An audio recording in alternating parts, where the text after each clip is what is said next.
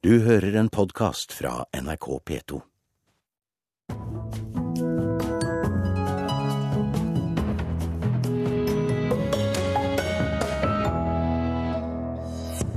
Reklame for innvandringskritisk bok skaper debatt i Sverige. Svenskene har et ytringsproblem, sier norsk forlegger av boken. Sørsamisk språk kan reddes fra utrydning, mener forsker. Sier symbolhandlinger og rettigheter bidrar i riktig retning. Og for første gang vises bilder av hvordan kjemiske våpen ødelegges, og det skjer på Nobels fredssenter. Du hører på Kulturnytt med Elisabeth Tøtte Hansen i studio.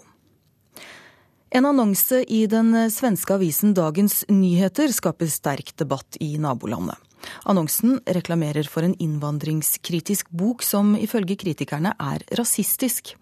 Den norske forleggeren av boka, Elin Ørjasæter, mener svenskene har et ytringsproblem. Dette er en helsidesannonse i da hva man skal kalle Sveriges svar på Aftenposten, en etablert kulturavis. Den åpner med 'Hva vet du om innvandringen og innvandringspolitikken'? Elin Ørjasæter sitter på kontoret sitt med annonsen foran seg. Annonsen er for en innvandringskritisk bok som lister opp statistikk som viser de negative sidene ved den svenske innvandringen. Altså, dette er annonsen. Den er faktabasert. Den har selvfølgelig valgt ut de statistikkelementene som forfatterne vil ha fram. Hvilket også tror jeg i Norge ville vært helt ukontroversielt. Hun gir ut boka på sitt forlag Trolltekst. Og hun er ikke overrasket over hvordan annonsen er mottatt i Sverige. Det har jo skapt et rabalder i Sverige, den annonsen. Det er tre hashtags på Twitter. Akkurat nå er det en demonstrasjon i Stockholm. Det er klart det er et raseri i Sverige mot det vi nordmenn oppfatter som helt greie fakta. Redaktør i den svenske avisen Dagens Arbete, Helle Klein, kaller annonsen rasistisk propaganda. Så jag tycker att den här annonsen är eh, oerhört otäck. Det är ju en försåtlig rasistisk propaganda. Jag förstår verkligen inte att Dagens Nyheter eh, tar in den här annonsen överhuvudtaget. Sjefredaktør i Dagens Nyheter, Peter Wolodarski, mener at annonsen er innenfor grensen for hva man kan trykke. Grensene er tydelige. Det får ikke oppfattes som et redaksjonelt budskap.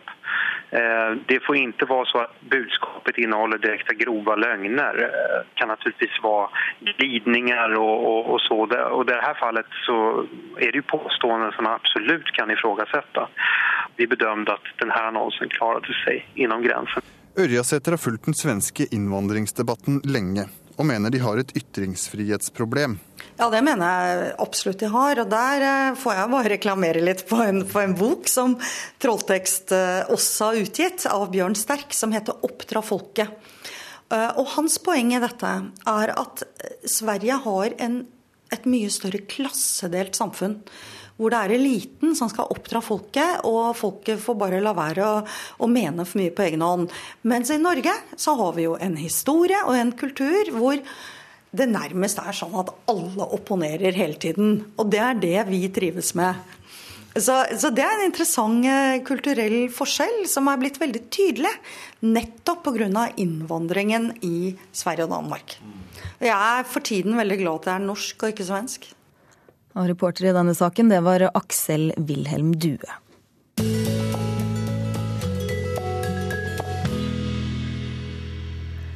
I dag deles Nobels fredspris ut til OPCW, organisasjonen for forbud mot kjemiske våpen.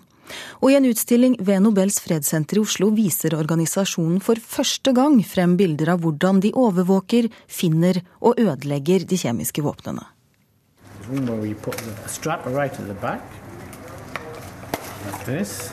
Michael Barrett demonstrerer hvordan han tar på seg den svarte gassmasken han og kollegene hans bruker når de overvåker, finner og ødelegger kjemiske våpen. put your chin put. Breathe in.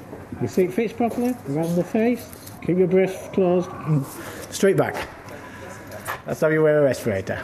Han er utstyrssjef for Organisasjonen for forbud mot kjemiske våpen, OPCW. I dag får organisasjonen Nobels fredspris for sitt omfattende arbeid for å avskaffe kjemiske våpen. Prisen betyr mye for Barrett, som opplever at folk gratulerer ham på gata. It gives us more inspiration to carry on with work because before I've been working for the OPCW now for 16 and a half years. People ask me, where do you work? I say OPCW. Nobody knows it. But now everybody knows it. With the Syrian situation, the Nobel Peace Prize, and this fantastic exhibition at the Nobel Peace Centre here, everybody knows the OPCW. So people come on the street and congratulate me for winning the Nobel Prize. I say to them, it's not just me, but there's 500 other people that's won it. It's really given us a good boost. Vi står i andre etasje ved Nobels fredssenter i Oslo. Utstillingen 'Combating Chemical Weapons' viser bilder av arbeidet til OPCW, tatt av fotograf Paolo Pellegrin. For første gang fikk en fotograf utenfor organisasjonen være med inn og dokumentere det svært farlige arbeidet OPCW gjør, sier utstillingsansvarlig Liv Astrid Sverdrup. Og siden de ble etablert i 1997, så har, de, har 80% av verdens kjemiske våpen blitt ødelagt. Så det er en fantastisk innsats de har gjort, men de har gjort det helt i det stille og har vært helt ukjent for folk flest. Så det som har vært veldig spennende for oss i år, da, er at eh, vi har fått adgang til å følge arbeidet til inspektørene fire forskjellige steder.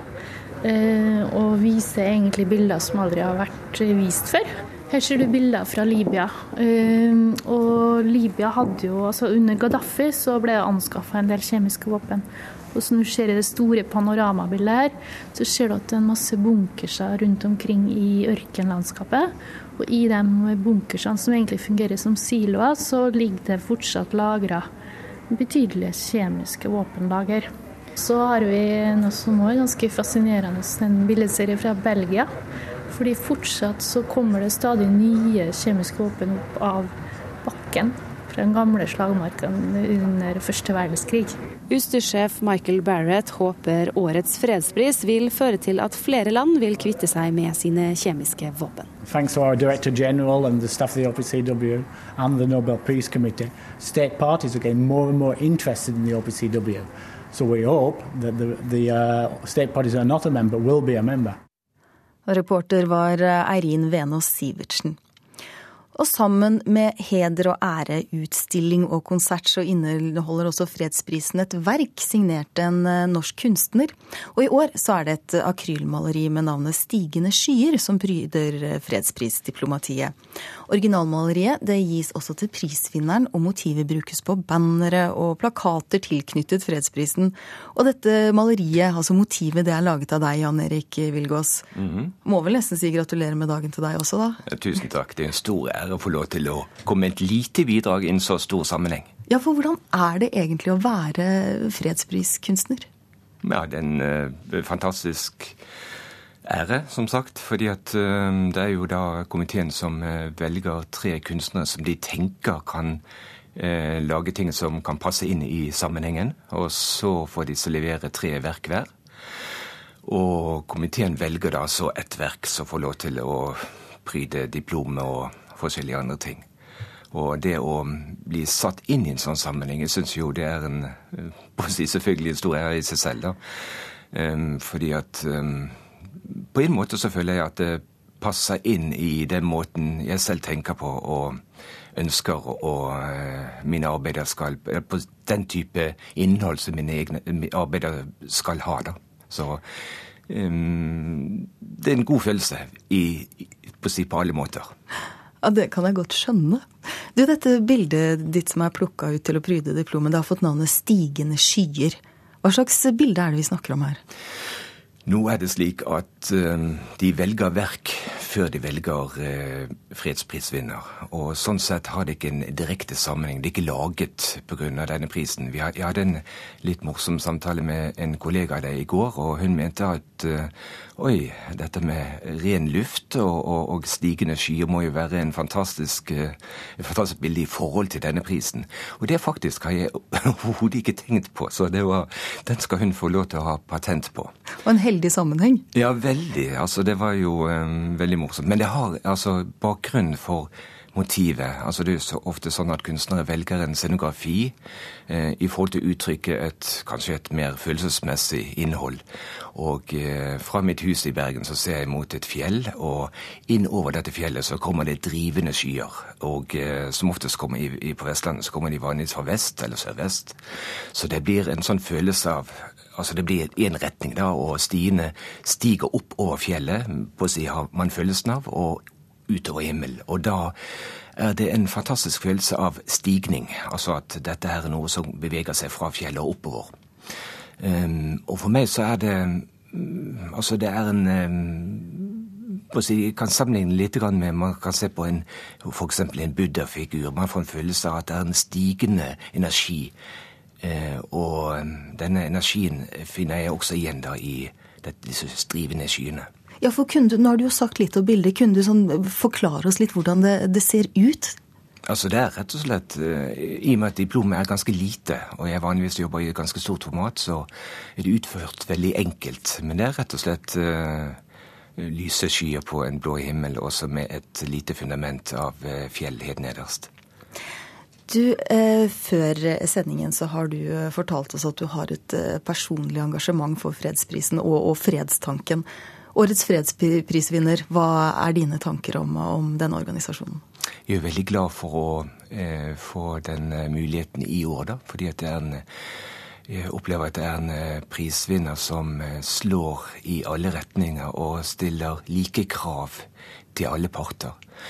Altså I så måte så jeg har tenkt mye på selvfølgelig på disse tidligere prisene, og, og eh, noen priser falt i min smak, og noen kanskje i mindre grad. Eh, jeg bodde i Vest-Berlin i hin hårde dager under, under, den kalde krigen, og da var jo det en, en spydspiss for Vesten langt inne i øst. Og jeg hadde en dårlig råd, men jeg hadde en liten svart-hvitt TV, jeg fikk inn nyheter, og der fikk jeg inn både østtyske og vestlige sendinger. Og alt etter hvilken stasjon jeg hadde zoomet meg inn på, så fikk jeg jo ganske forskjellige nyheter. Og jeg fikk en, på en måte min uskyld i forhold til dette med nyheter ble ganske brått revet opp. Og også frihets- og fredsbegrepene var noe som ble mye brukt både på den ene og den andre siden. Og jeg opplevde det også at Eh, veldig ofte så var dette her eh, en, en, noe som var i en stor politisk agenda. Og sånn sett har jeg hatt en veldig respekt for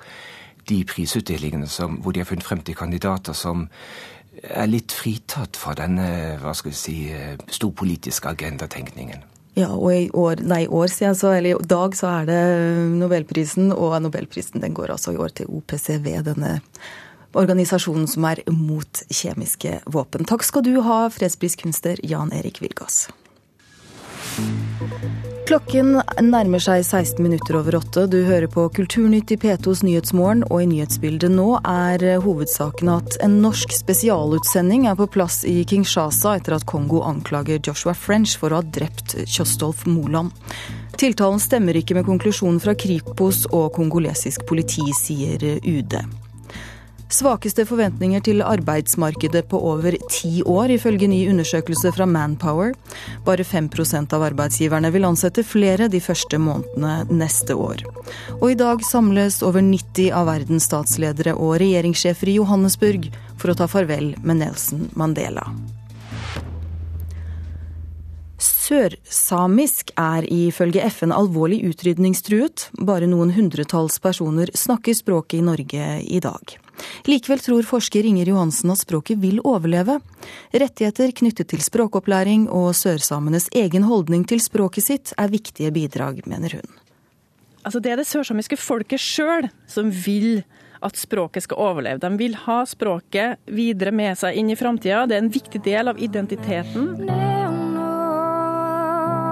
19 år gamle Maria Helena kjemper for det sørsamiske språket med musikk. Jeg vet ikke hvem jeg hadde vært hvis jeg ikke har fått, uh, fått lære mitt eget språk.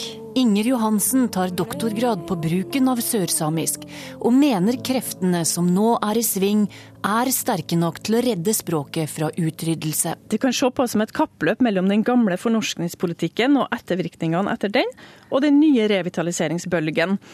Og jeg tror at den revitaliseringsbølgen er sterkere og mer utholdende enn ettervirkningene av den gamle fornorskningspolitikken. Så jeg er positiv og ser optimistisk på framtida for sørsamisk språk.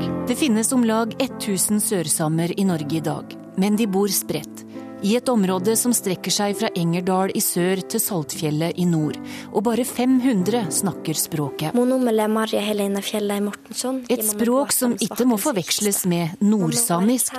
Forskjellen på de to språkene er som forskjellen på norsk og tysk. Eh, sørsamisk er jo i den uheldige situasjonen å være en minoritet i minoriteten. De har ikke noen sånne majoritetssamfunn, sånn som f.eks. nordsamisk har. Og det, altså, De er jo veldig usynlige, for at når det er snakk om samisk i, eh, i media f.eks., så er det alltid nordsamisk. Så da Norge fikk sitt eget forvaltningsområde for samisk språk, var ikke de sørsamiske kommunene med. For det, det Forvaltningsområdet ble oppretta i 1990 med seks eh, nordsamiske kommuner i Finnmark og Nord-Troms. Men i 2008 ble Snåsa som den første sørsamiske kommunen med. Rørvik fulgte etter i 2013, og både Røros og Hattfjelldal har ytra ønske om det samme. Og kanskje skjer det samme i Engerdal om noen år, hvem vet? Dette vil bety mye for utviklinga av det sørsamiske språket, mener Johansen. Det vokser ut et utdanningssystem der en har et sørsamisk tilbud fra barnehage via grunnskole, universitet, høgskole og til voksenopplæring. Men i tillegg så har jo kommunene her forplikta seg til å legge til rette for å utvikle språket. Og sørge for at det ikke blir brukt mindre, men for at det blir brukt mer. Helgar Sætermo, hva dere gjør i dag? Vi eh, setter opp eh, stedsnavnskilt, Snåsa, på sørsamisk. Og at Snåsa, som første sørsamiske kommune, fikk veiskilter på samisk i forrige uke, er alene en viktig symbolhandling. Ja, det er ganske enkelt, men jeg tror at den symbolske virkninga er uendelig mye større enn det.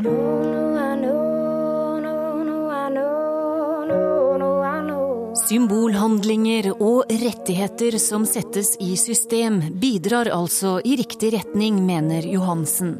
Men hun trekker likevel fram statusen sørsamene sjøl gir språket sitt, som Maria Helena Fjellheim Mortensson. Det gir håp, mener hun. Det tror jeg er kjempeviktig. Jeg tror at Maria er et veldig viktig forbilde allerede, men at hun òg i framtida kan bli enda viktigere for, eh, for sørsamiske, ja ikke bare unge ungdommer, men for hele befolkninga.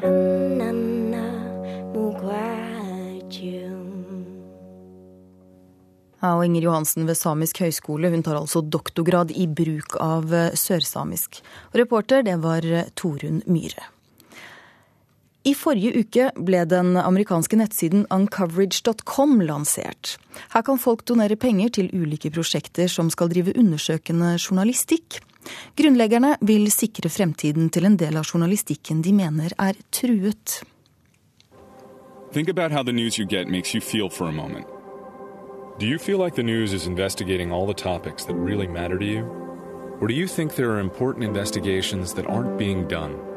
Med denne reklamevideoen vil grunnleggerne av nettstedet uncoverage.com fange folks oppmerksomhet. Føler du at nyhetene undersøker alle temaer som betyr noe for deg, spør de. Redaksjoner er under økonomisk press, og vi ser hver dag journalister som mister jobbene sine. De håper at denne formen for finansiering kan være en løsning. If you want to help with your effort or expertise, please get in touch. The news is broken. Let's fix it. Let's fix it. Let's fix it. Let's fix it. Vi merker de samme tendensene i redaksjonene her hjemme, sier generalsekretær i Norsk Presseforbund, Kjersti Løken Stavrum. Ved overgangen fra papirjournalistikk til det digitale, så er de generelle inntektsstrømmene helt annerledes. Vi ser jo at annonseinntektene er mye lavere digitalt enn det det har vært på papir. Og eh, abonnementsordninger er jo nå først i sin spede, spede barndom på nettet nå i disse dager. ikke sant? Så, så derfor så er det noe mer komplisert å, å hente inn tilstrekkelig penger til, til det det koster å drive god journalistikk. Denne formen for finansiering av journalistikk var ventet, sier Stavrum. For det har vært snakk om ganske lenge at man ønsker å teste crowdfunding også på journalistikk. Og, så jeg er, ikke, jeg er, ikke, overrasket, men jeg syns det er spennende å se at det nå har kommet i gang. Men hun har ikke troen på at det vil fungere i Norge. Det er nytt i Norge, og det er uvant for oss å drive med donasjoner og kronerulling på den type ting. Vi er nok mer vant til å støtte veldedige organisasjoner. At Norge skulle være stort nok til at dette skulle bli en betydelig aktør i mediebildet, det er jeg noe tvilende til. Sier ansvarlig redaktør i VG, Torry Pedersen. Jo mer god journalistikk, jo bedre. Jeg føler at VG har gode økonomiske rammer. Men jeg føler at det alltid er rom for å drive grundigere og mer undersøkende journalistikk. Styreleder for frilansjournalistene i Norsk Journalistlag, Yngve Ove Tysnes, er også skeptisk. Jeg har ikke den store trua på det. Jeg tror ikke det er økonomisk bærende. Det er gærent. Altså, det er vanskelig nok å få betalt som frilanser når du gjør oppdrag for aviser og blad. Både Pedersen og Tysnes ser utfordringer ved at privatpersoner skal finansiere journalistikk. Hvis, er, hvis de er mange nok, så er det vel ingen fare. Snarere tvert imot. Da er det jo mer frigjort fra alle interesser enn noe annet. Men hvis det er én mesen, så krever det jo at vedkommende virkelig holder seg vekk fra det redaksjonelle innholdet. Ja, du har jo en risiko for at eh, noen rikinger spytter veldig mye penger inn i prosjektet som de, de ser seg tjent med. Det sa til slutt frilansjournalist Ingve Ove Tysnes til reporter Kristine Amdam. Og før vi Kulturnytt går av lufta, tar vi med at Luleå kommune i Sverige ber foreldrene la være å fotografere Lucia-togene i barnehagene. Årsaken er redsel for at bildene skal bli lagt ut på nettet, skriver Dagens Nyheter. Kulturnytt fikk du i dag av produsent Vidar Sem, tekniker Beate Haugtrø. Og her i studio er det Elisabeth Tøtte Hansen som har tatt deg gjennom sendinga.